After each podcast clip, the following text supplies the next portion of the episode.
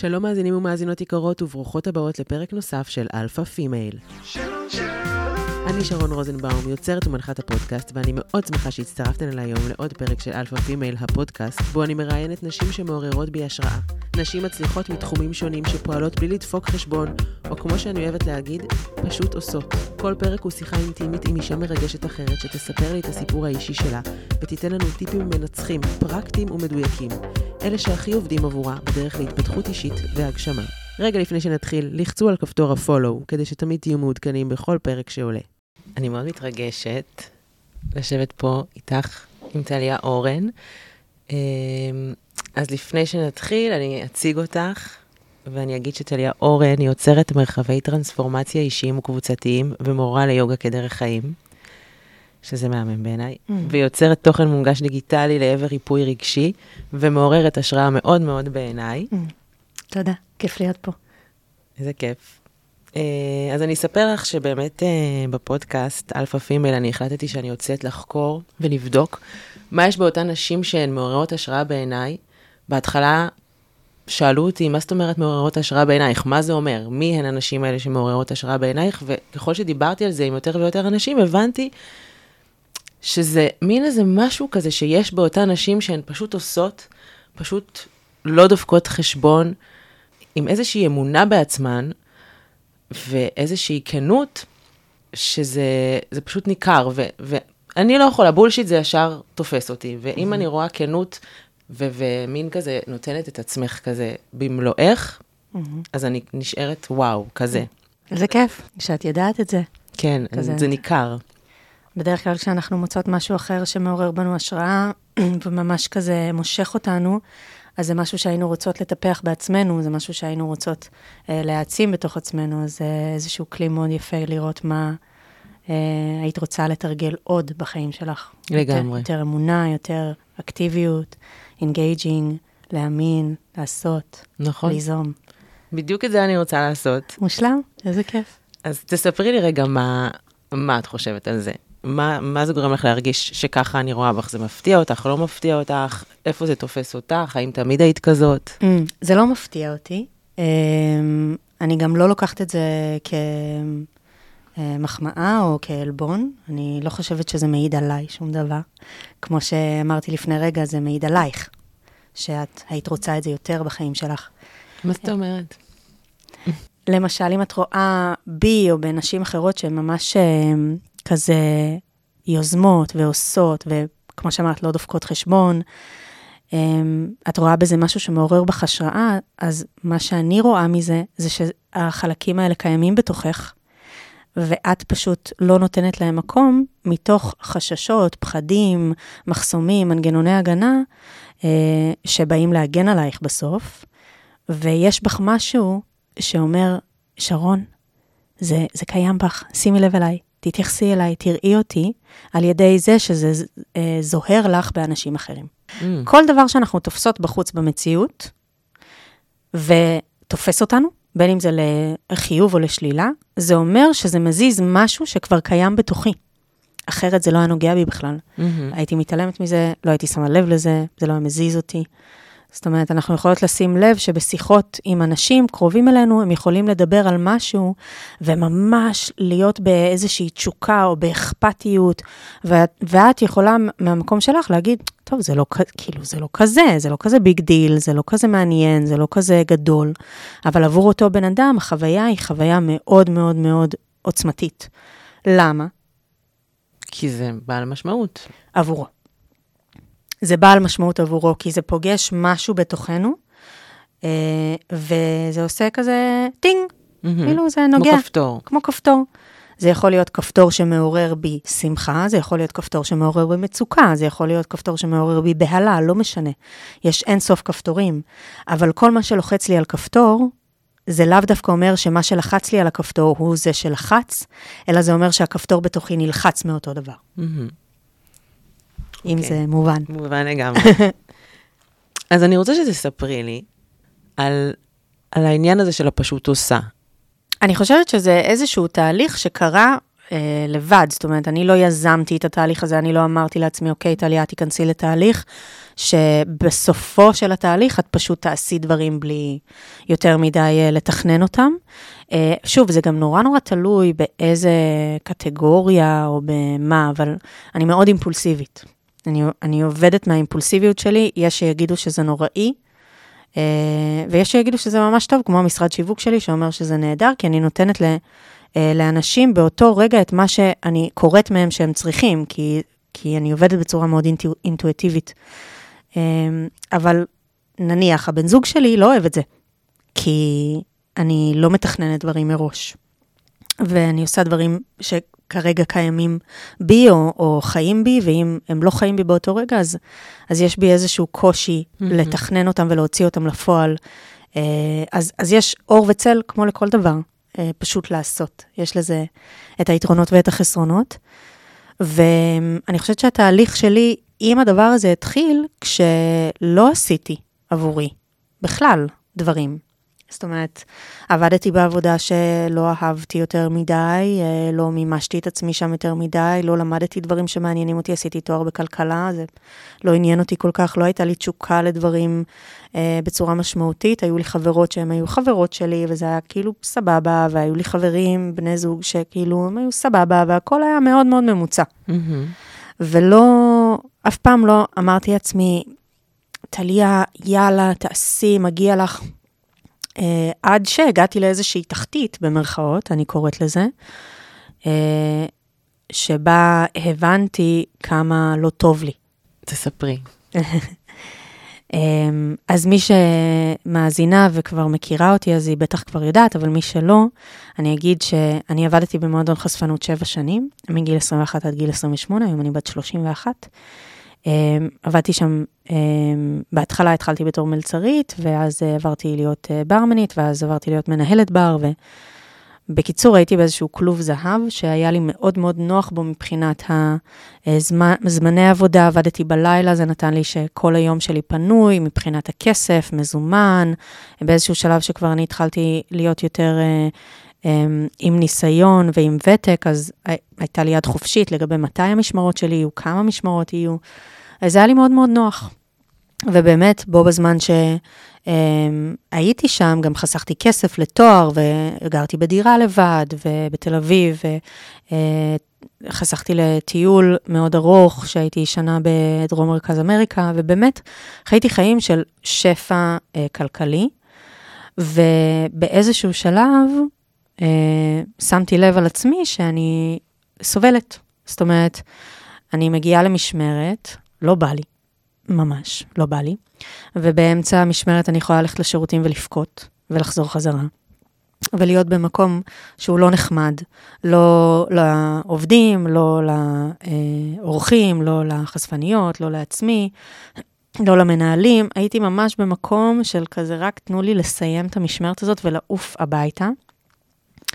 אה, אבל כל הזמן היו קולות בתוכי שהסבירו לי למה כדאי לי להישאר.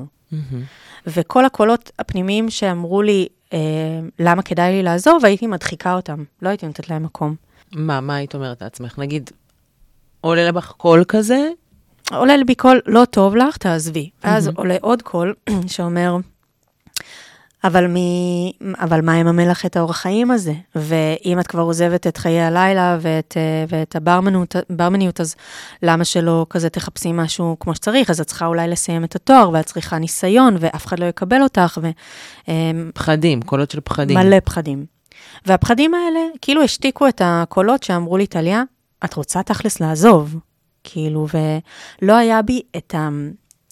את הערבות ההדדית הזאת עם עצמי, שאני. אומרת לפחדים ולקולות האחרים, עצרו רגע, עצרו. הטוב של טליה מונח כאן על הכף, זה הכי חשוב, ה-well-being שלך. ה-well-being, הבריאות הרגשית והנפשית, אפילו הבריאות הפיזית, זאת אומרת, הייתי עובדת בלילה, הייתי חוזרת הביתה כל יום ב-6-7 בבוקר, הולכת לישון, כאילו, זה לא היה בריא. כן. הייתי שותה המון אלכוהול, זאת אומרת, זה היה נוראי, וגם הסביבה שהייתי, כאילו, נחשפת אליה ב- בלילה, והשפה והשיח, וזה שכסף הוא היה אל העליון שכולם, כולם, כולם סוגדים לו, מהשומרים, לבעלים, לחשפניות, למלצריות, לברמניות וללקוחות. כולם סגדו לכסף. והכסף זה האמצעי היחידי. והייתי במקום שקודם כל לא הסכמתי עם זה, וגם ההוויה שלי לא הסכימה עם זה, אבל איפשהו לא עזבתי. לא, כל הזמן הקשבתי לפחדים, כל הזמן אמרתי, אוקיי, זה יותר, זה, זה, טליה לא מספיק חזקה, טליה, זה, אין לה מספיק מזל, זה לא יעבוד, אם היא פשוט תעזוב, כל מיני פחדים.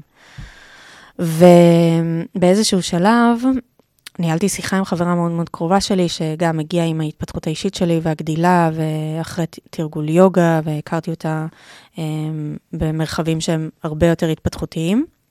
Uh, היא, היא הציבה אותי בפני השאלה הזו, של למה את לא מתפטרת. היא שאלה אותי את זה אולי איזה 30 פעם, ובאיזשהו שלב הבנתי, נפל לי האסימון, שאני נמצאת בכלוב שהמפתח נמצא ממש בכיס שלי. Mm-hmm. אני נמצאת בכלוב זהב שאני מרגישה כלואה בו, אבל בעצם הוא פתוח לרווחה, ואני בוחרת לא לצאת ממנו. וכשהבנתי את זה, זה היה מאוד מאוד משמעותי, היה בכי וצחוק והבנה שכזה... זה כיף. כן, כן, ממש, הבנה שאני מגבילה את עצמי באמונות שלי. ובאמת, אה, כשחודשיים אחרי השיחה הזאת החלטתי שאני מתפטרת, ואמרתי, לא משנה מה, יהיה מה שיהיה, אני, אני אתמודד, אנחנו, אני, אני ועצמי נתמודד עם זה. באתי למנהל שלי, אמרתי לו שאני נותנת לו שבועיים מראש, והוא אמר לי, סבבה. ואני הייתי ממש כזה, מה סבבה? כאילו, תילחמו עליי, מה זאת אומרת? וזה, והוא פשוט קיבל את זה, וזה היה לי מאוד מאוד כזה מפתיע, כי הייתי בטוחה שיהיה לי מאוד קשה, שהם לא ייתנו לי לעזוב.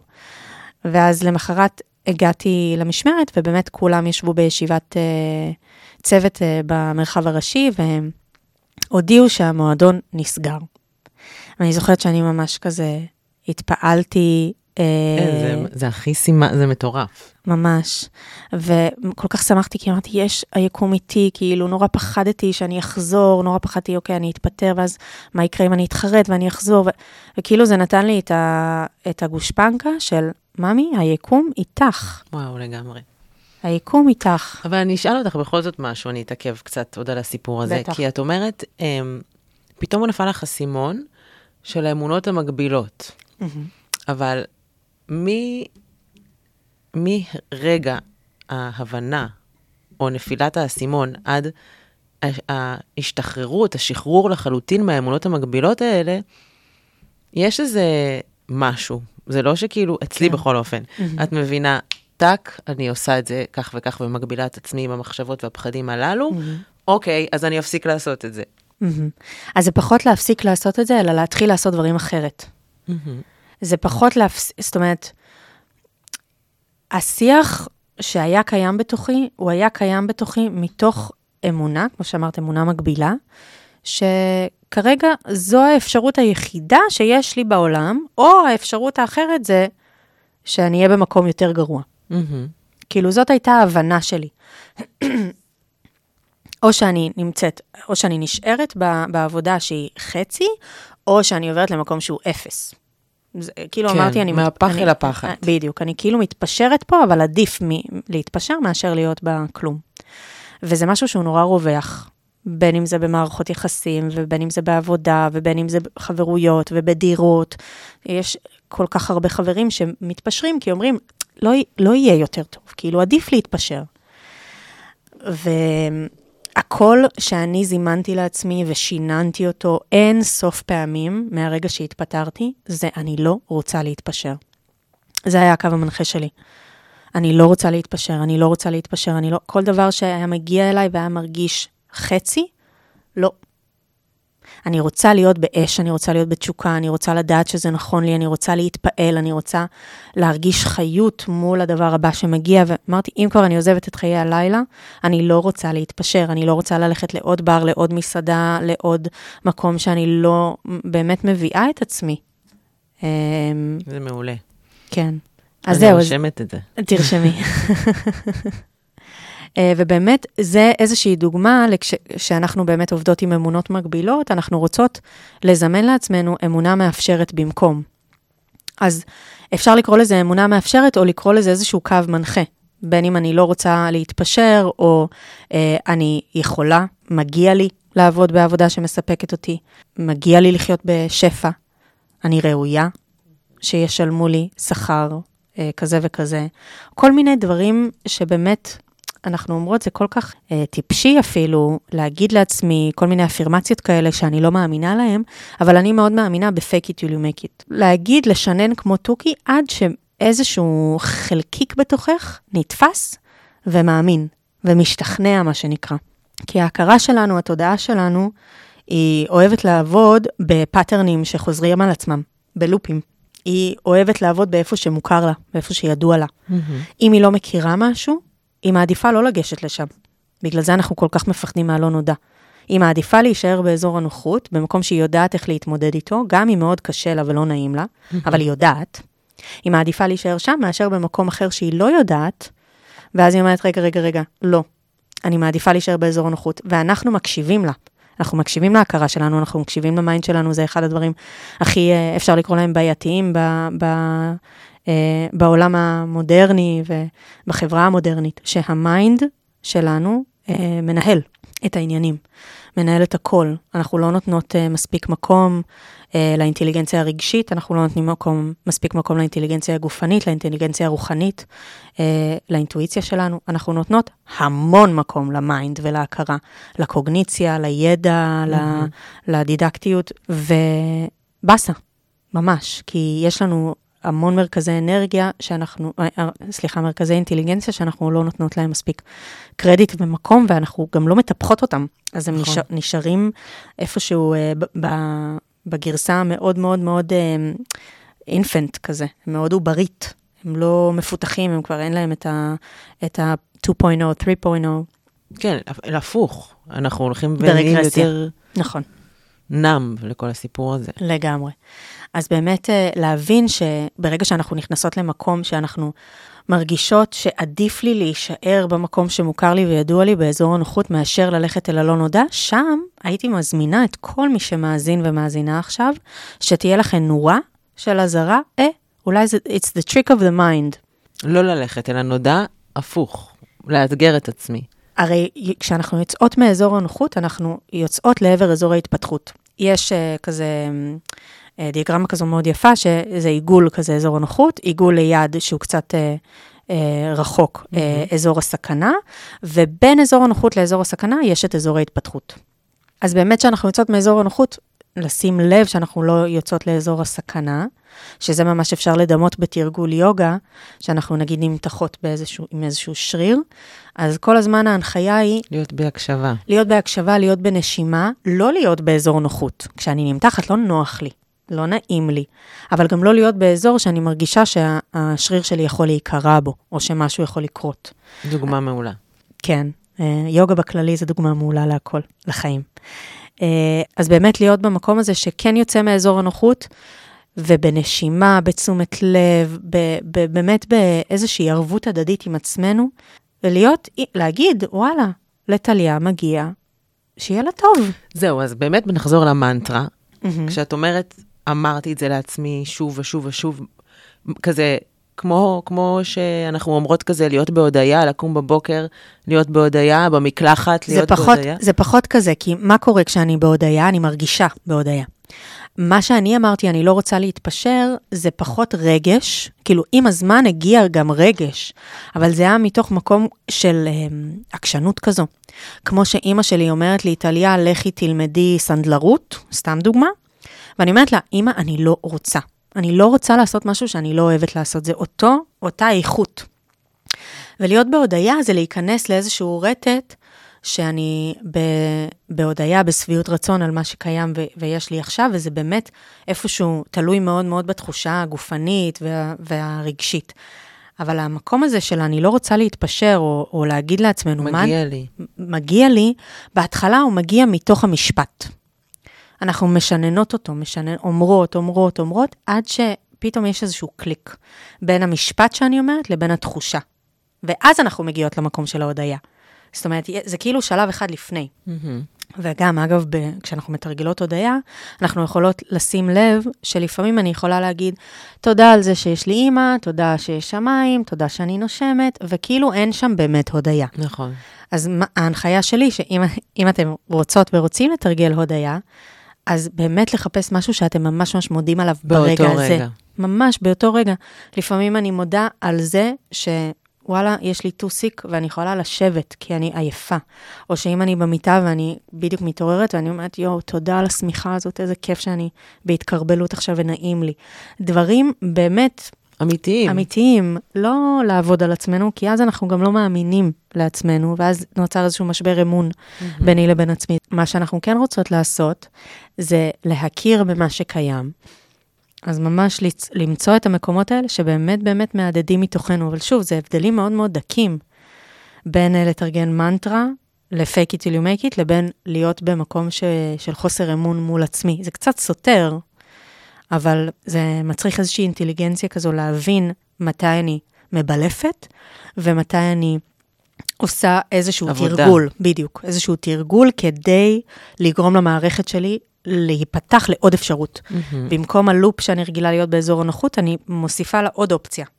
הנה, גם זה אפשרי. ואז ברגע שהמ... ושם ה-fake it it כן עובד. בדיוק. כי ההכרה שלי מתחילה ל- להכיר משהו אחר, ואז זה לא כל כך מחוץ לאזור הנוחות. זה כן, כן מחוץ לאזור הנוחות, אבל הוא קצת יותר קרוב אה, מאשר משהו שמעולם לא שמעתי עליו, לא ראיתי אותו, לא חוויתי אותו, לא, לא טעמתי אותו, לא, לא, לא הרגשתי אותו בגוף. אוקיי, זה מהמם. זה טיפ ראשון שרשמתי. ובא לי לדבר איתך, בגלל שאני יודעת שלהיות כל כך חשופה, באינסטגרם זה מעלה כל מיני דברים. זה, אולי זה מציף, אולי מעורר, אולי לא מזיז, אני בטוחה שזה גם תלוי ביום שלך, איך שזה פוגש אותך. אבל עוד משהו שמעסיק אותי, זה העניין של מה יגידו. ואת לפעמים גם מעלה כזה כל מיני כאלה ריקושטים כאלה ואחרים שאת מקבלת. אז רציתי לדעת באמת איך את מתמודדת עם זה. מה את חושבת שעוזר לך? כי זאת התמודדות. כן, האמת שהיום מישהי שלחה לי הודעה שהיא מאוד מאוד אה, מאמינה בשיח חופשי ובביטוי חופשי, ומאוד קשה לה, כי היא מקבלת הרבה מאוד ריקושטים מהסביבה, וזה משבלל אותה חזרה למאורה שלה. ש... והיא גם uh, יוצרת תוכן, והיא כן. לא מצליחה להתמודד עם זה כל כך. כן, מאוד מאוד קשה לה, והיא שלחה לי הודעה כאילו כ- כטיפ מה לעשות. עכשיו, זה באמת באמת לעשות איזושהי עבודה אל מול השורש. אה, כי פידבקים תמיד יהיה לאנשים מה להגיד. לא משנה אם תהיו הדלאי למה, או באמת, או מהטמה גנדי, תמיד יהיה לאנשים מה להגיד, תמיד תהיה ביקורת, תמיד תהיה ביקורת. ואם אנחנו נתנהל לפי הביקורת, ואנחנו לא נעשה דברים רק כדי לא לפגוע או להפריע או לעורר או לטלטל, אז אנחנו לא נעשה שום דבר שהוא משמעותי, כי אנחנו נישאר רק בשוליים. אנחנו לא, נחצ... לא, לא נצא, לא נפרוץ את הגבולות של עצמנו, של, ה... אה, של החברה, של, ה... של דפוסי המחשבה המאוד מאוד צרים שיש היום לאנשים. אז, אה, אז בכללי, כאילו לצאת מנקודת הנחה שלא משנה מה תעשי, מי uh, תצטלמי עם, uh, עם ציור מסוים, או תגידי מילה מסוימת, או עם ביגוד מסוים, או, או לא משנה מה, תמיד יהיה לאנשים מה להגיד. נכון. בייחוד כאישה, אגב, אבל זה תכף. כן, בייחוד כאישה, כוכבית, תמיד, על כל דבר, בייחוד כאישה. Um, והדבר השני, זה לעשות עבודה עם הילדה הפנימית, שמרגישה שאם לא יקבלו אותה, uh, או אם יחשבו עליה דברים לא נעימים, אז זה שווה ערך לזה שאין לי מקום בעולם. זה שווה ערך לזה שאני לא ראויה לאהבה, זה שווה ערך לזה שהערך שלי יורד, המשמעות שלי יורדת בעולם. זאת אומרת, יש איזשהו לינק כאן אה, בין מה אחרים חושבים לבין הערך שלי. שאם אנשים חושבים עליי פחות, אז הערך שלי יורד, ואם אנשים חושבים עליי יותר, אז הערך שלי עולה. ולהיות בלינק הזה זה מאוד מסוכן, כי אז אנחנו כל הזמן נתונות לתנודה החיצונית. Mm-hmm. אם חברה שלי חושבת עליי שאני סופר יפה היום, והיא מחמיאה לי, ואז אני מתנפחת, והאגו שלי, ווואו, ואיזה כיף לי, ואני מרגישה זוהרת, והיום למחרת אותה חברה אומרת לי, מה קרה, ממי? קצת השמנת. אז פתאום אני נכנסת לאיזושהי נפילה, ואני אומרת, יואו, ואני מתחילה להריץ בראש, ולעשות דיאטות ולדבר עם זה וזה וזה וזה, וכאילו להיכנס למשהו שהוא מאוד מאוד אה, אה, מסכן כזה, אה, וקורבני. אז מה, איפה היציבות הפנימית שלנו? איפה המקום שלי בתוך עצמי שאומר, אוקיי, טליה, זה קשה, זה כואב, וואלה, בן אדם חושב עלייך ככה וככה וככה, ואת אתגרת אותו ואת המחשבה שלו וטלטלת אותו, ואולי נגעת לו בנקודה כואבת, אבל זה לא שלך. זה לא שלך. זה לא קשור אלייך בשום צורה, כמו שהיה לנו בתחילת הפרק. זה, בין אם זה מחמאה או עלבון. בין אם זה ביקורת או הערצה או הערכה. אני מקבלת את הדברים שאנשים אומרים לי באמת בלב פתוח ובאהבה, ותמיד אני פתוחה ושמחה לשמוע דעות ומה אנשים חושבים, אבל אני עושה את זה ממרחק. אני לוקחת את זה בעירבון מוגבל. ותמיד, לפה או לפה? לפה או לפה. בין אם זה מחמאה ובין אם זה עלבון. למה? כי זה לא מעיד עליי שום דבר. זה לא מעיד שאני יותר וזה לא מעיד שאני פחות. אני מי שאני, והערך שלי לא נמדד. אין לו, אין לו מדד. הערך שלי הוא הערך שלי. הוא לא יותר מהערך שלך, הוא לא פחות מהערך של המנקה ברחוב. את מבינה מה אני אומרת? Mm-hmm. הוא לא, אין לו, אין לו מידה. הוא אינסופי. וההבנה הזו היא mind blowing לאנשים בחברה שלנו היום, כי היום כולם נמצאים תחת איזשהו מדד. מגיל מאוד מאוד צעיר, בין אם זה איך שאת נראית, אם את יותר בלונדינית ויותר יפה, אז את יותר נחשבת.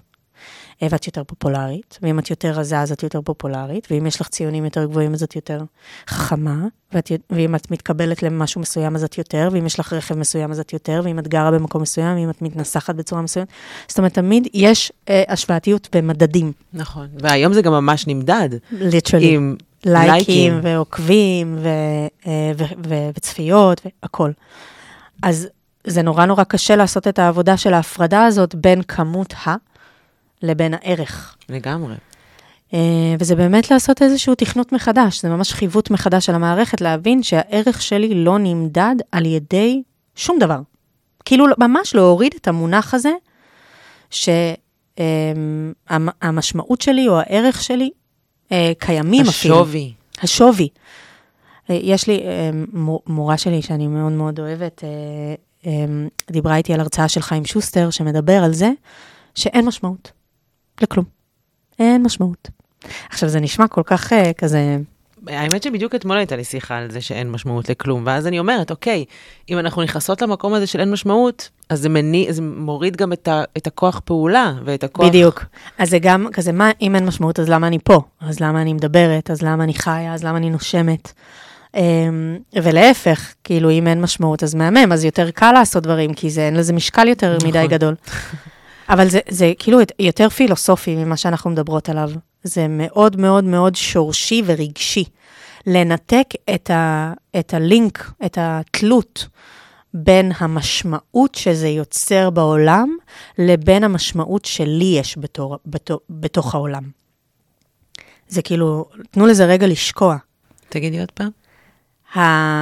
הרצועה שקושרת, או, ה, או הקשר בין מה שאני עושה והמשמעות של הדבר שאני עושה לא תלוי ולא קשור למשמעות שלי בתור אה, נשמה בעולם הזה, בתור גוף, בתור בן אדם. אין לזה שום קשר.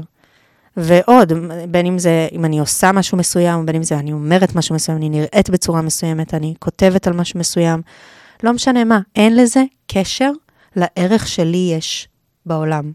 והערך שלי הוא שווה ערך לכל בן אדם שקיים פה. הוא לא יותר מערבי, מנקה ברחוב, אה, אה, ילדה, אה, גבר מבוגר, אוטיסטים, לא משנה מה. בעלי חיים, יש שיגידו גם צמחים. לא שונה ממני, שווה ערך. וזו הבנה מאוד מאוד משמעותית, כי זה מוריד את ה... את הדרייב ואת הרצון לתחרותיות, להוכיח את עצמי, אה, להביא, לנוע מתוך אגו. זה כאילו נותן איזושהי נינוחות בעשייה. זאת אומרת, זה לא קשור אליי, אני עושה מה שאני רוצה. זה מעבר למה שאני רוצה, אני עושה את מה שנכון לי. אני עושה את מה שהדרך שלי מביאה אליי. אני חושבת בצורה שהדרך שלי מובילה אותי אליה, זה כאילו להיות פחות נתונה לה, להגבלות שה, שהפחדים יוצרים אצלי. כי אם אני מונעת ממה יגידו ומה יחשבו ואיך זה יצטייר ואיך זה יתקבל, אז כל, זה כל, כל כזה יוצר עוד הגבלה ועוד צמצום ועוד החלשה ועוד mm-hmm. uh, התכנסות פנימה ופחות רצון להביא את עצמי, לתפוס מקום, mm-hmm. uh, להביע. זה, זה כאילו מאלחש אותי, מוריד אותי. ממש עושה לי... כן, ש... מסרס כזה. כן, שבי, שבי בשקט, לא צריך, אין סיבה. אל תדברי. תהיי בפינה שלך, תהיי יפה ותשתקי כזה. ו, וברגע שאנחנו מבינות שאין את הלינק ואין את, ה, את התלות הזו, אז זה פחות uh, קריטי ופחות משמעותי, כי אנחנו אומרים, אוקיי, אנשים יגידו ויחשבו, יש אנשים שזה יעצבן אותם, יש אנשים שזה יעורר בהם השראה, יש אנשים שזה לא יזיז להם, מה זה משנה? אני אעשה את מה שאני, מי שיאהב, ידבק אליי, יצטרף אליי, יקשיב לי, ילך בדרכי, ילך איתי, בדר, בדרכם אבל לידי, ומי שלא, לא, ואז עוד יותר, כאילו, מדהים, אז כל מי שיצטרף אליי וידבק אליי ויימשך אליי, הם אנשים שבעצם אוהבים את הדבר שאני מביאה לעולם, את הדבר האותנטי הזה, שכאילו, במרכאות, אני לא שמה אה, הרבה משקל על מה אחרים אומרים, אה, ו- ואני נעה קדימה, ובעצם אני עושה איזושהי עבודה אה, של כזה להעצים את עצמי, ואז עוד יותר אנשים כאילו מועצמים. אוהבים, מועצמים, אוהבים את זה, מת, מתחברים אליי, ואז זה אומר שהאנשים שיהיו לידי, הם יהיו אנשים שמעריכים אותי? וואו, שווה, לא? לא שווה? שווה. יאללה, קדימה. רשמתי גם את הטיפ השני. אבל אם זה, תופ... זה, זה, לא, אז זה לא תופס אותך יותר הרגעים האלה? איך את מתנערת מזה, אם זה כן תופס אותך, או שזה לא קורה יותר? תשמעי, זה יכול לתפוס אותי לרגע אחד, זה יכול לתפוס אותי לחמש דקות, זה יכול לתפוס אותי לעשר דקות. ממש נדיר אם זה תופס אותי ליותר. אמ, ומה שאני עושה, אני, אני בודקת עם עצמי איך אני רוצה להתמודד עם זה. והכלי הכי, הכי נכון שכרגע קיים אצלי בסל כלים, זה לעבוד עם הגוף, אה, כדי לשחרר מתחים ותקיעויות ודחיסויות אה, וחשמל גבוה בגוף. שזה משרת עוד כל מיני סוגים של רגשות. מלא.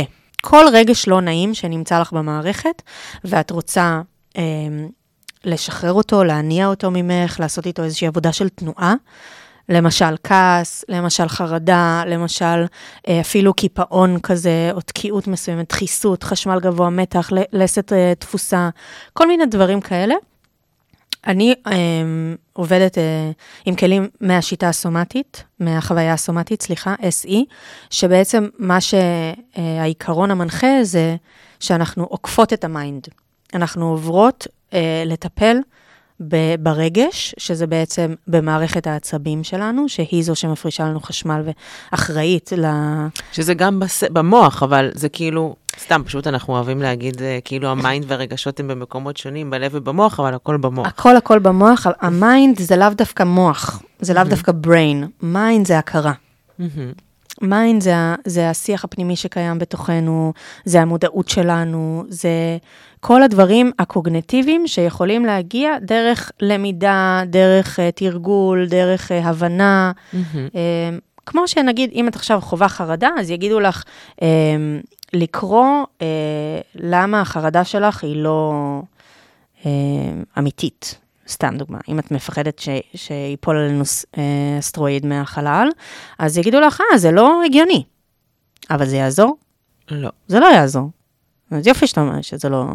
אז בעצם את אומרת שבשיטה הזאת... אנחנו עוקפים את, ה, את, ה, mind. את ה mind. כי הוא, באמת, הוא בעצם לא רלוונטי. זה לא שהוא לא רלוונטי, הוא פחות רלוונטי. Mm-hmm. כן, כן אפשר לעשות עבודה עם ה mind, אבל היא מוגבלת, יש לה, כן. יש לה תקרה. ואז אנחנו מתבקשות להגיע למערכת העצבים דרך מערכת העצבים, דרך הגוף. ואנשים שחקרו את מערכת העצבים והבינו מה עוזר לה לפרוק ולשחרר חשמל, יצרו כמה כלים אה, אה, שקוראים לזה emotional release, או שחרור רגשי, שזה בעצם לגשת אה, אל הרגש דרך הגוף, וזה כל מיני תנועות גוף שמשלבות ביחד קול ונשימה.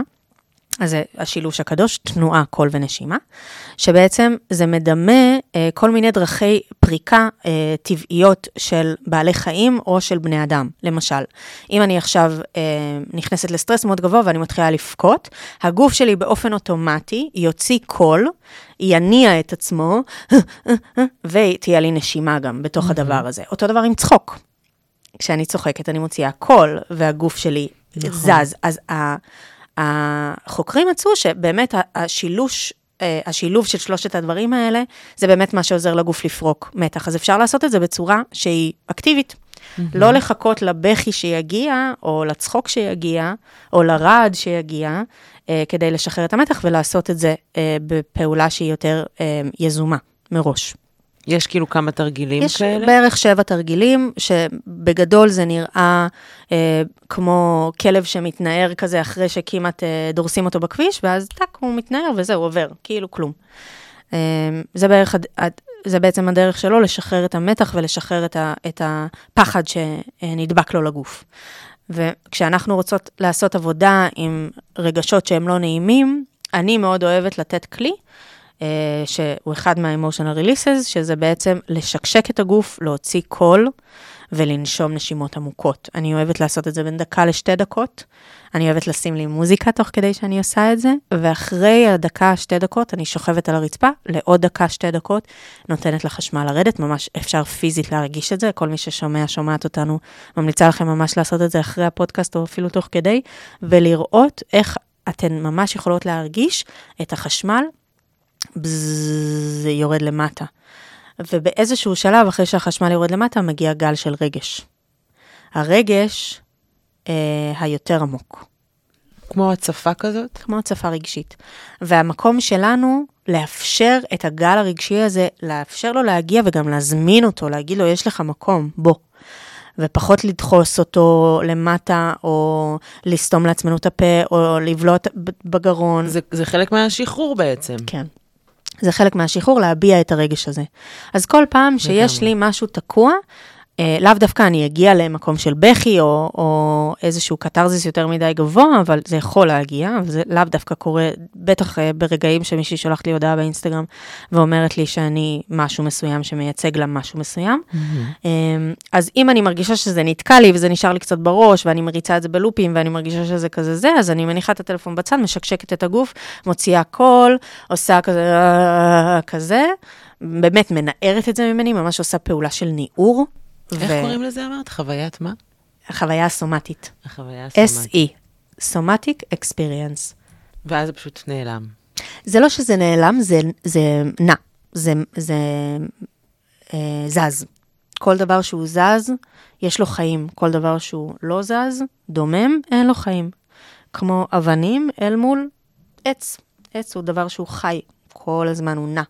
בין אם זה הרוח שמניפה לו את העלים, ובין אם זה הגזע שממשיך, או הענפים, או העלים, שכל הזמן בתנועה. גם אנחנו בתור בני אדם, בנות אדם, אנחנו צריכות להיות בתנועה כל הזמן, והרגש שלנו, ברגע שאנחנו תוקעות אותו, סוגרות אותו, עוצרות אותו, לא נותנות לו לנוע, אנחנו בעצם יוצרות תקיעות, והתקיעות הזאת יוצרת ביצה, שהביצה הזו מלאה ברפש וברגשות דחוסים ולא נעימים, והאנרגיה הזאת חייבת לצאת, אז היא תמצא דרך לצאת, ובדרך כלל זה מתבטא במחלות. אה, אלימות. אלימות, פצעונים. אגב, זה קורה יותר אצל גברים, לא סתם, כי כן. הם פשוט לא כל כך משחררים רגשות, כי בחברה mm-hmm. שבה אנחנו גדלנו, לגברים אסור כל כך להביע רגשות, אז נכון. אנקדוטה. כן. uh, זה יוצא בפצעונים, זה יוצא בפצעי לחץ, זה יוצא בהתפרצות של אפנדצית, זה יוצא במחלות uh, יותר משמעותיות, מחלות נפשיות. זאת אומרת, התקיעות הזאת היא זו שיוצרת את הבעיות. שלנו, לגמרי. בעולם. ואם אנחנו רוצות ממש אה, ללמוד איך לרפא את עצמנו, אז אנחנו צריכות להכניס תנועה לרגש. כל פעם שמגיע רגש, להזמין אותו, לתת לו מקום, לתת לו ביטוי ולאפשר לו לצאת מאיתנו. את יודעת מה זה מזכיר לי? כש... אני רק אספר שאני אה, השתתפתי, הייתה לי את הזכות להשתתף אה, בריינה, mm-hmm. הראשון. Mm-hmm. הראשונה. הראשונה. אה, והגעתי לשם באמת מתוך מקום... רגע, למי שלא יודע, ריינה זה ריטריט נשים שאני יוצרת ביחד עם קרין גולן, אה, ריטריט נש... אה, עומק אה, מסע ממש טרנספורמטיבי לנשים שרוצות לצעוד בדרך שהיא יותר חופשייה, להביע את עצמם, להכיר את עצמם, לבטא את עצמם ו, אה, ולהכיר גם נשים. שצועדות באותו דרך, באותה דרך, כן. אז באמת שאני הגעתי לשם מבלי לדעת לאן אני הולכת, ולא יודעת, הייתה לי, באמת, תמיד אה, אנחנו אוהבות להשתמש בביטוי, הייתה לי קריאה, אם יש לך קריאה, זה literally מה שהיה. פשוט לא היה לי מושג בכלל במה מדובר, והייתה לי קריאה להגיע למרחב אה, המדהים הזה, ואני לא אשכח את זה בחיים. הרי היה את ההתכנסות, ואז היה את היוגה שהעברת, שרק הגענו, והגוף שלי היה, כולי הייתי כל כך זקוקה לדבר הזה, שרק הגעתי, אני גם הגעתי באיחור, הגעתי ישר ליוגה, וכל היוגה, כל התרגול, רק בכיתי. זה פשוט היה מדהים. רק הגעתי ישר לתרגול יוגה, ולא הפסקתי לבכות. אגב, כל הסוף שבוע הזה לא הפסקתי לבכות, אבל זה היה, זה היה וואו.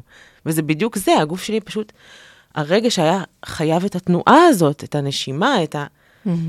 זה היה מדהים. כן. אגב, שם התחלתי באמת איזשהו תהליך שהוא נמשך עד היום, ולא סתם הייתה לי את הקריאה הזאת. איזה כיף. אז כן, אז כיף לי מאוד שאת פה, אני שוב אגיד. אמ, בואי נדבר באמת על נשים. יאללה. אז אני זוכרת שגם דיברת על זה בזמנו. אמ, נראה לי גם בריינה וגם אולי כתבת על זה משהו, אני לא סגורה על זה. על בעצם מה שאת עברת עם הסיפור של נשים שק של נחשים שמלמדים אותנו, אל הגילוי שזה לא באמת ככה. מה תספרי על זה? זה לא שזה לא באמת ככה, אלא זה לא התנועה הטבעית שלנו. בדיוק. התנועה הטבעית של אישה אל מול אישה אמ, היא sisterhood. אחוות נשים, הכלה, תמיכה, ממש אה, החזקה כזו, כמו שאימא מחזיקה בת.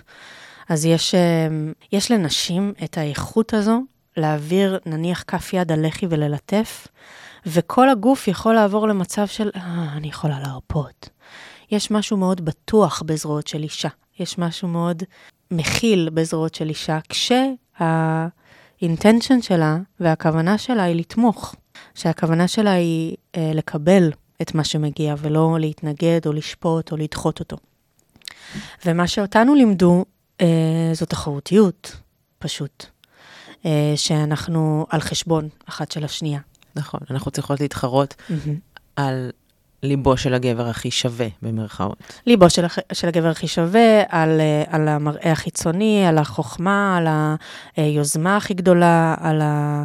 באמת, גם אני רואה את זה היום, יש הרבה תחרותיות גם במקום של מי יותר ביצ'ית, או מי יותר פירס, או מי יותר חזקה, או מי יותר... אה, מי יותר מרדנית. גבר-גבר, זה, זה כזה. מי יותר בכללי.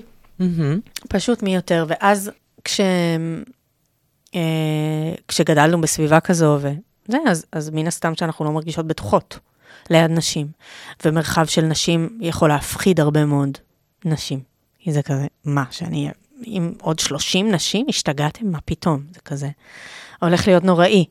אבל אה, ההפך הוא הנכון, זאת אומרת, ברגע שאנחנו באות ומביאות פגיעות, ואנחנו מביאות הכלה, ומביאות מביאות עיניים טובות, ומביאות קבלה, ומביאות את המקום שאומר אחת לשנייה, זה בסדר, אני, אני כאן, אני איתך, או לאו דווקא אני איתך, אלא אני לא, אני לא הולכת לשפוט את זה, אני לא, זה לא, אני בעיניים טובות על כל מה שאת עוברת.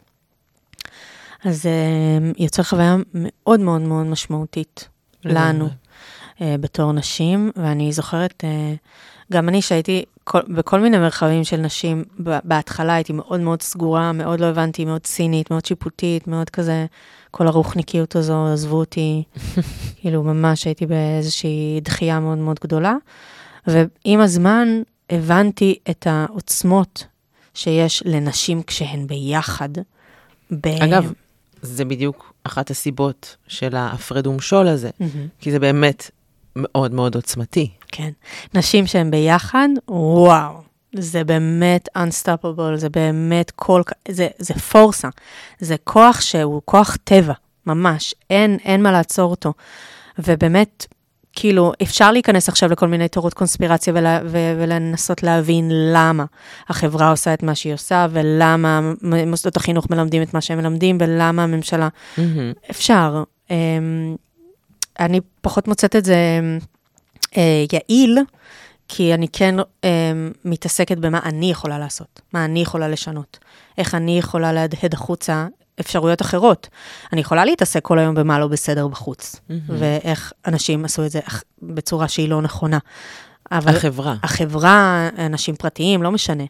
אמ, ואני יכולה גם להתעסק במה אני יכולה כן לעשות, כדי לשנות, כדי... אמ, שזה למשל? מה שאני עושה. זה למשל מה שאני עושה. ובאמת, אה, התנועה הזו של להביא לאנשים לגיטימציה, ממש ב... בין אם זה במילה, במבט, בתחושה, באנרגיה, שכל מה שהם, זה, מה זה סבבה? מעבר לזה שזה סבבה, זה נורמלי, ויש לזה מקום, והם לא חריגים, והם לא לבד, וזה בסדר. ורק ההבנה הזאת, הקטנה הזאת, יוצרת אצלם טרנספורמציה.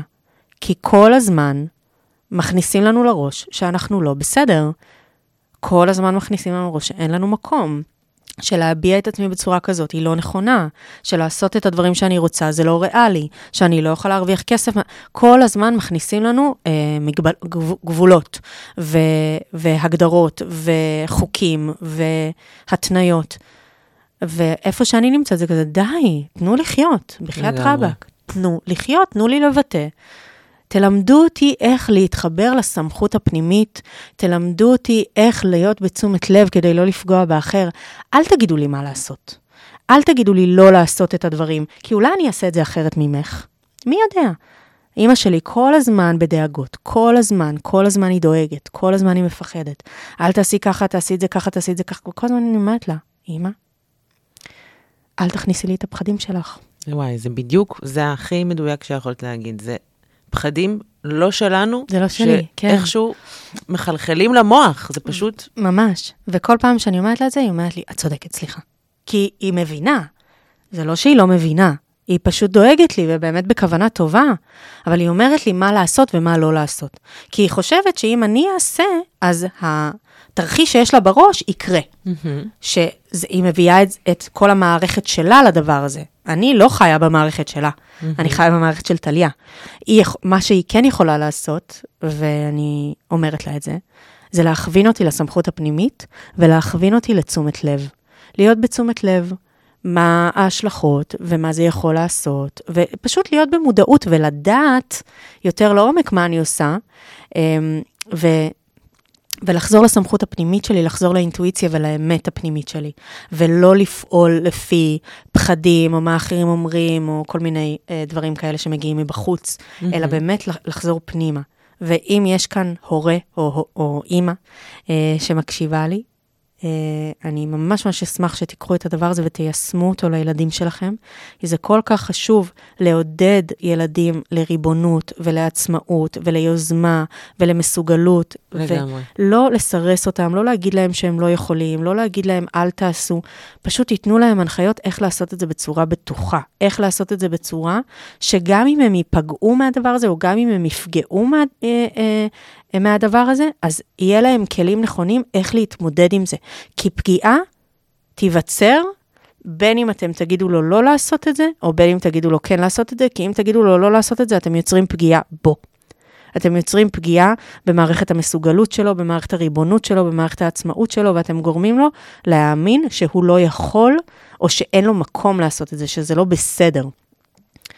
ועדיף לכם ש... הוא ילמד איך לעשות את זה בצורה שהיא לא יוצרת פגיעה, וקודם כל להבין שיכול להיות שתיווצר פגיעה, יכול להיות שתקרה טעות, יכול להיות שמשהו יקרה, ו- אבל זה שלכם.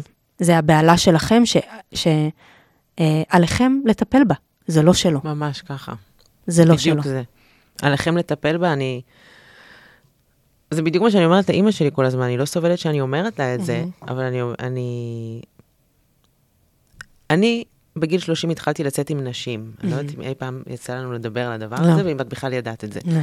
והיא פשוט לא מצליחה לקבל את זה. לא מצליחה לקבל את הדבר הזה, והיא גם כל הזמן חוזרת ואומרת, אבל את היית עם גברים, את היית עם גברים, את יכולה, את יכולה.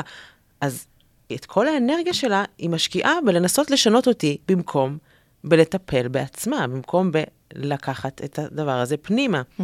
כי זה לא יעזור לה להגיד לי מה כן לעשות ומה לא לעשות, זה בדיוק mm-hmm. כל מה שאמרת עכשיו. מה את עונה לה? מאוד קשה לי להישאר קרת רוח, mm-hmm. מאוד. Mm-hmm. אני אומרת לה את זה, אני מנסה. שלחתי לה את תקוות, את אה, תפילת השלווה, ואמרתי לה שתלך לטפל בעצמה בטון נעים ובטון לא נעים, ובכל הדרכים האפשריות, וזה לא עוזר. יש לך אה, רעיון כן, אולי? כן. קודם כל, לראות את הכאב שלה. אם את יכולה, ולפעמים אנחנו לא יכולות ולא בא לנו ואין לנו כוח וכזה, תעזבו אותי. אבל אם בא לך ויש לך את המשאבים ואת האנרגיה, להתבונן בכאב שלה, שכרגע אה, עבורה, הילדה שלה, היא הולכת בדרך שהיא לא מכירה, שבדור שלה זו הייתה דרך מוקצה. זה חטא, mm-hmm. זה כאילו משהו שהוא מאוד מאוד מאוד משמעותי, לא כמו אצלנו היום, שזה כזה, מה זה אהבה, מה זה משנה, מה גוף זה כאילו דבר כל כך, זה לא משנה אם יש פה שיער ארוך, שיער קצר, עיניים מלוכסנות, עיניים בהירות, כאילו יאללה, יש מעבר mm-hmm. לגוף. אמ, ושם לראות את הכאב שלה, לראות את האובדן שהיא חווה, ועל זה לדבר. להגיד לה, אמא, אני רואה שכואב לך. אני רואה שאת מרגישה שאת מאבדת אותי, אולי, או מאבדת איזושהי גרסה שחשבת mm-hmm. שאני. אבל אני רוצה להגיד לך שאני כאן, ואני הולכת להיות מאושרת, ואני אשמח שתהיי איתי בזה. כזה, ותחזיקי לי את היד. ולהביע באמת את הצרכים ואת הרגשות ואת, ה, ואת ה, את הכוונה שאת רוצה למערכת היחסים ביניכם. ויכול... אני יכולה לנסות. את יכולה לנסות, יכול להיות שהיא תתנגד ותגיד לך, מה, מה פתאום? פשוט אז... זה לא השיח, שג... ש... שבבית שלי, השיח הוא מאוד ישיר. תנסי. ו... ו... תראי זה, מה זה זה יהיה לה כזה מאוד מוזר, זה תסתכל עליי כאילו נפלתי מהירח. אבל אני אנסה. יכול להיות שבפעם הראשונה זה יעבור דרכה, יכול להיות בפעם השנייה זה כזה, מה, מה היא רוצה? בפעם השלישית זה כזה, רגע, אולי שנייה אני אקשיב, ואז בפעם הרביעית זה, וואו, אוקיי. אני אנסה. כי זה שיח שונה, זה שיח רגשי.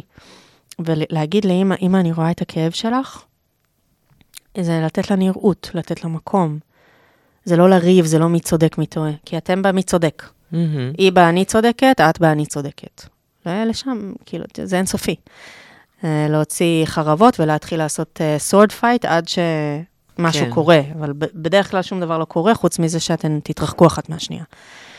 ואם אתן לא רוצות או יותר נכון, אם אתן רוצות אה, לשמור על איזושהי קרבה, או לתרגל איזושהי קבלה אה, ביניכן, אה, אז אני ממליצה להוריד רגע את החרבות, מי צודק, מי טועה, להסתכל על כל חוויה כחוויה אמיתית, כל חוויה כחוויה לגיטימית, ולהתייחס לשתי האמיתות האלה ולהגיד, אוקיי, איך אנחנו עכשיו מתקרבות? את חווה שאת מאבדת אותי, אני חווה שאת לא מקבלת אותי. ואת לא נותנת לי מקום ביטוי בעולם, ואת מגבילה אותי. בוא ניתן לזה רגע מקום. את יכולה להביא את הכאב שלך מולה, היא יכולה להביא את הכאב שלה מולך, אתם יכולים להחזיק את זה ביחד, להכיל את זה. וכמו שאמרנו על המרחב נשים, sisterhood, אה, אימא ובת, להכיל את הכאב ביחד, לבכות אותו, להגיד, וואלה, מבאס. איזה באסה שאת מרגישה שאת מאבדת את הבת שלך, מאמי שלי. אני ממש ממש מתבאסת ביחד איתך, זה נשמע נורא. אפ... כרגע אני אפילו לא מצליחה לדמיין את זה, אגב. Mm-hmm. כן. את מה שתיארת כרגע. נכון. בסדר, אני אנסה. לא, זה גם, זה גם, את לא חייבת, כאילו, זה ממש ממש לא משהו שאנחנו חייבות לעשות, זה גם, כמו לא, ש... זה עניין של בחירה בעצם. זה עניין של בחירה, וגם זה עניין של uh, משאבים. Mm-hmm. יכול להיות שכרגע את ריקה. Mm-hmm. יכול להיות שאת צריכה קצת זמן בנפרד, את צריכה קצת הפסקה מה, מה, מהפייר, מהאש, ולתת לדברים כזה אה, להתרחק קצת ממך כדי שתוכלי להתמשאב, שתוכלי להחזיר לעצמך אנרגיות, שכזה אני מוכנה להתמודד עם דבר כזה, כי להגיד לאימא שלי, וואלה, אני מכילה את הכאב שלך, זה מלא. לגמרי, זה, זה מלא. מטורף. וזה גם לא שלך, כאילו, את לא חייבת להכיל אותו, את לא חייבת להחזיק אותו, אבל זה חלק מהריפוי שלנו בתור נשים. זה חלק בלתי נפרד מהריפוי שלנו בתור נשים, לעשות שלום עם אימא. לגמרי, אני ממש מסכימה איתך. ואני עוד סופר פמיניסטית, אז זה כאילו הכי יושב לי על מיליון דברים. איך את עם סבלנות? מה זאת אומרת? יש לך סבלנות? את, את בת אדם עם סבלנות? אה, אני חוטאת בחוסר סבלנות, זה אחד מהדברים שאני מנסה ככה לעבוד עליהם. זה תלוי. אה, אני חושבת שיש, אני מאוד מהירה, מהירת מחשבה. אז אני יכולה להיות חסרת uh, סבלנות כשאני במוד הזה. כשאני אה, בפרויקט ואני עובדת ממש ממש מהר, או כשאני, אה, לא יודעת מה, נמצאת באיזושהי סיטואציה שה, שהמערכת העצבים שלי, אגב, היא על חשמל מאוד מאוד מאוד גבוה. מהמם. שאני, אה, שהסימפתטית אולי דולקת, שאני נמצאת במקום של כזה fight, flight, freeze, אה, שאני נמצאת במקום של להספיק, לעשות את זה מהר, ואז אני יכולה להיכנס לאיזשהו חוסר סבלנות. אבל אם תדברי איתי אחרי מדיטציה נניח, שזה קורה כל יום, או אחרי תרגול, פי, יש לי את כל הזמן שבעולם. כל יום את עושה מדיטציה? Mm. כל בוקר? Mm. תחזוק, חייב. כמה זמן? זה נע, זה יכול להיות חמש דקות, זה יכול להיות עשר, זה יכול להיות רבע שעה. זה ממש ממש תלוי בי ואיך שאני מרגישה. ככל שאני יותר טרודה, זה יותר זמן. כמו שהבודה אמר, היה לו תלמיד שהגיע אליו, הוא אמר לו, בודה, אין לי, אני לא, אני, אני לא יודע מה לעשות, אני ממש ממש טרוד. הוא אמר לו, תעשה מדיטציה כל יום. אז הוא אמר לו, כמה זמן? הוא אמר לו, עשר דקות. הוא אמר, אין לי זמן לעשר דקות לעשות מדיטציה כל יום. אז הוא אמר לו, יופי, אז תעשה שעה. זה מעולה. כן, מדיטציה זה ממש מבחינתי כמו לצחצח שיניים. כל יום, לא משנה. מצב תודעה, לא משנה אם אני מרגישה טוב, לא מרגישה טוב, יש לי זמן, אין לי זמן, לא משנה. אני מפנה לי כמה דקות לשבת ולהתחבר פנימה. איך שאת קמה? הרבה אנשים רוצים לדעת פרקטיקה, רגע, כן, איפה, כן. מתי, לפני הקפה, לגמרי. אחרי הקפה? כי מי, זה שזה, מאוד- מי שמנסה להכניס את זה או מנסה על החיים שלה, אז זה כזה, כן. וואו. זה מאוד איך- אינדיבידואלי. אני אוהבת לעשות את זה, אה, אני קמה, אני מצחצחת שיניים, אני מתיישבת, בדרך כלל אני אוהבת מול השמש. אה, מתיישבת, מול השמש, עוצמת עיניים. לפעמים אני גם מתקלחת בבוקר, אז אחרי המקלחת. אה, בדרך כלל זה לפני תרגול, יש כאלה שעושים את זה אחרי תרגול, יוגה. כן. אה, והבוקר הוא קדוש, בעיניי. הוא יותר חשוב מהכל. מתי את קמה? אה, בין שש לשבע, מוקדם. מתי אני הולכת לישון? מתי? עשר. נכון, נכון. אין, זאת הבעיה שלי, את מבינה? אני אוהבת להיות ערה בלילה. תשמעי, אי אפשר לאכול את העוגה ולהשאיר אותה שלמה. אנחנו... אמ, גם זה שוב, זה תלוי מתי את מתחילה את היום שלך. אני אוהבת שיש לי שעתיים חופשיות בבוקר. לא משנה מה אני עושה, אני אוהבת אה, שיש לי לפחות שעתיים, אני קמה בבוקר, אני מתקלחת, אני עושה מדיטציה, אני אה, עושה תרגול, אני, אני יוצאת עם הכלבה שלי לגינה, אני דורכת על אדמה, אני מתחילה את היום שלי לאט. אחרת, הרגש. המחשבות על 200, הרטט גבוה, חוסר סבלנות, כעס, עצבים, אה, ייאוש, תחושות לא נעימות, הלקאה עצמית, ביקורת, מלא מלא דברים מגיעים, אם לא. ואם יש לי כלי כל כך משמעותי, שלא עולה לי כסף, ועוזר לי עם הדברים האלה, מה, אני לא אקנה? חינם, בדוק. Black Friday.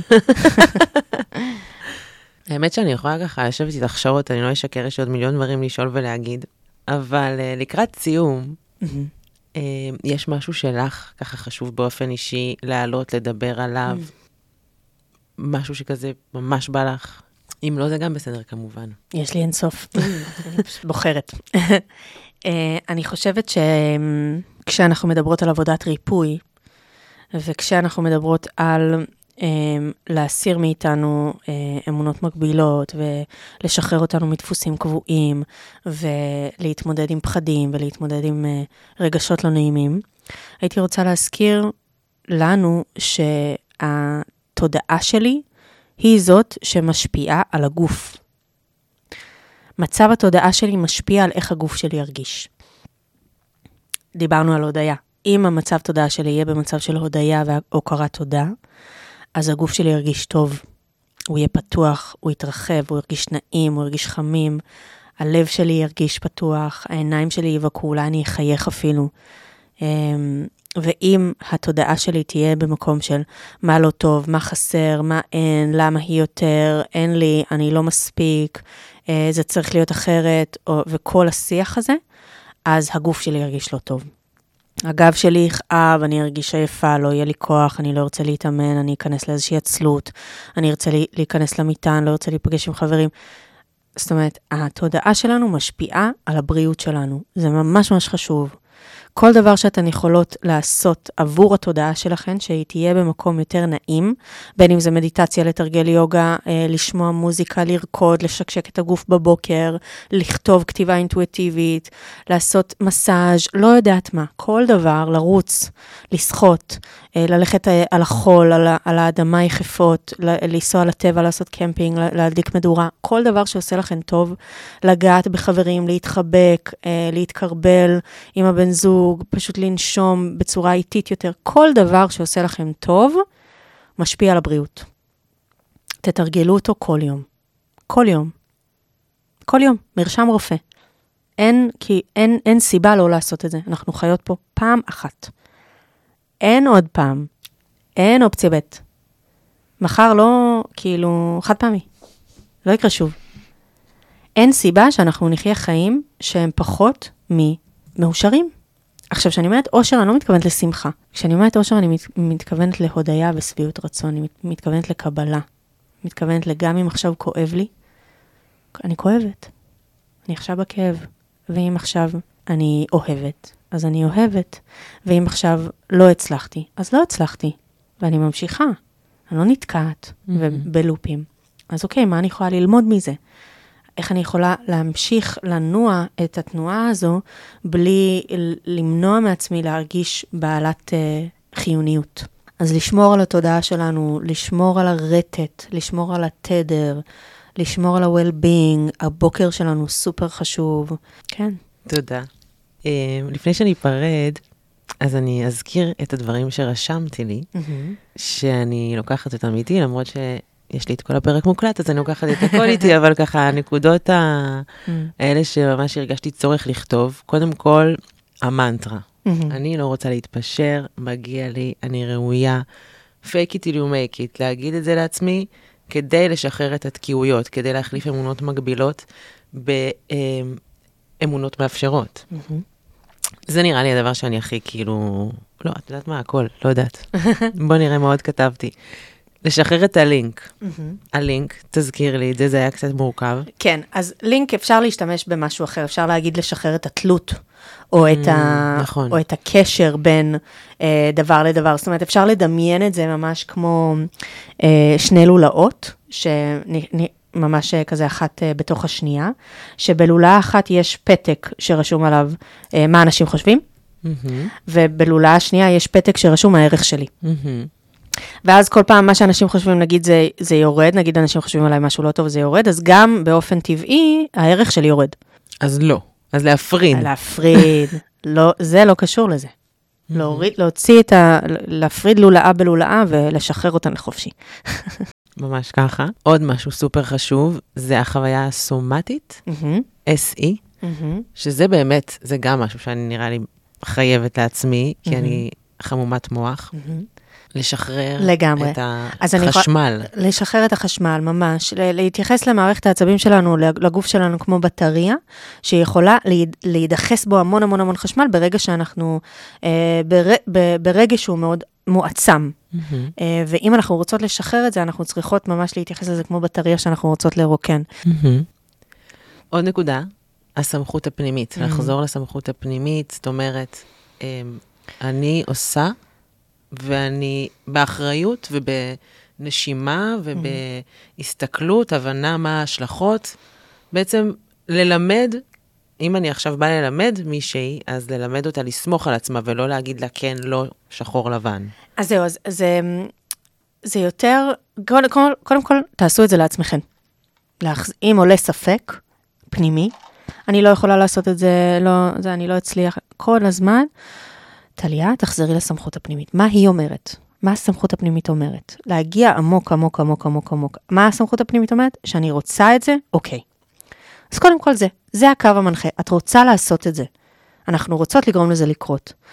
איך אנחנו יכולות לעזור לך לעשות את זה בצורה שהיא תהיה הכי הכי אה, אה, בטוחה עבורך?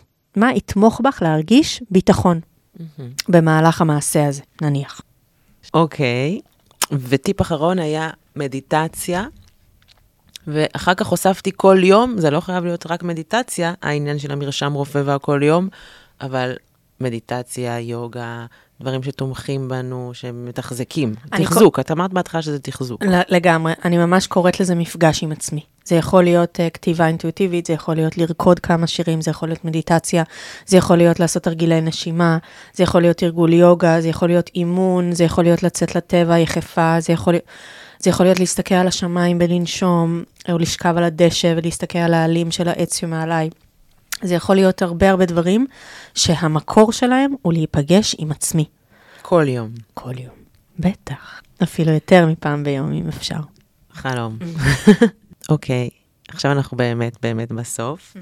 בא לי שלפני שנסיים, אה, תגידי לי איזה דמות, אישה כלשהי שהיא מעוררת השראה בך, אה, התקלתי אותך. לא, אה, יש מישהי אחת שעולה לי לראש, שקוראים לה שירלי כספי, המורה שלי ליוגה, היא מלווה אותי כבר שש או שבע שנים. היא מעוררת השראה בצורה שהיא חיה יוגה, ממש מתמידה ומאוד מסורה על הדרך שלה, וממש מרגישים עליה את התדר הזה שהיא באיזושהי אחדות מסוימת. אה, באיזושהי שלוות נפש כזו שמאוד נעים להיות ליד. אה, ובעיקר, בעיקר, מי שמעורר בי השראה בכללי, בעולם הזה, הם אנשים שהולכים בדרך שלהם. הם נשים שהולכות בדרך שלהן. נשים שמקשיבות לקריאה הפנימית שלהם, כמו שאת אמרת, שהקשבת לקריאה הפנימית ובאת לריטריט. נשים שמקשיבות, שנותנות גיבוי לאני הפנימי שלהם, שנותנות להן מקום, שהן מעודדות, מרימות, מעצימות את עצמן, והן החברות הכי טובות של עצמן, לא כי הן, הם, לא כי הן אה, אה, אגואיסטיות או חושבות רק על עצמן, אלא ממקום שהן כל כך קרובות לעצמן, שהן אומרות, אני איתך, לא משנה מה. לא משנה מה, לא משנה מה אנחנו פוגשות, לא משנה מה קורה, לא משנה... לא משנה מה, אני לא עוזבת אותך. אני לא מפנה לך גב. זה מה שהכי מעורר בי השראה. זה מרגש. כן. תודה. תודה וכיף, רבה. תודה שהזמנת אותי. היה ממש כיף ומעניין. Mm. כיף שהזמנת. זהו להפעם, חברות וחברים, ותודה שנשארתם איתי עד הסוף. אם אהבתם את הפרק ומצאתם שיש בו ערך, אשמח שתעשו לייק וגם שתפו אותו, כדי שיעבור הלאה ויגיע לעוד אנשים. שיהיה וויקנד מהמם וניפגש בשבוע הבא.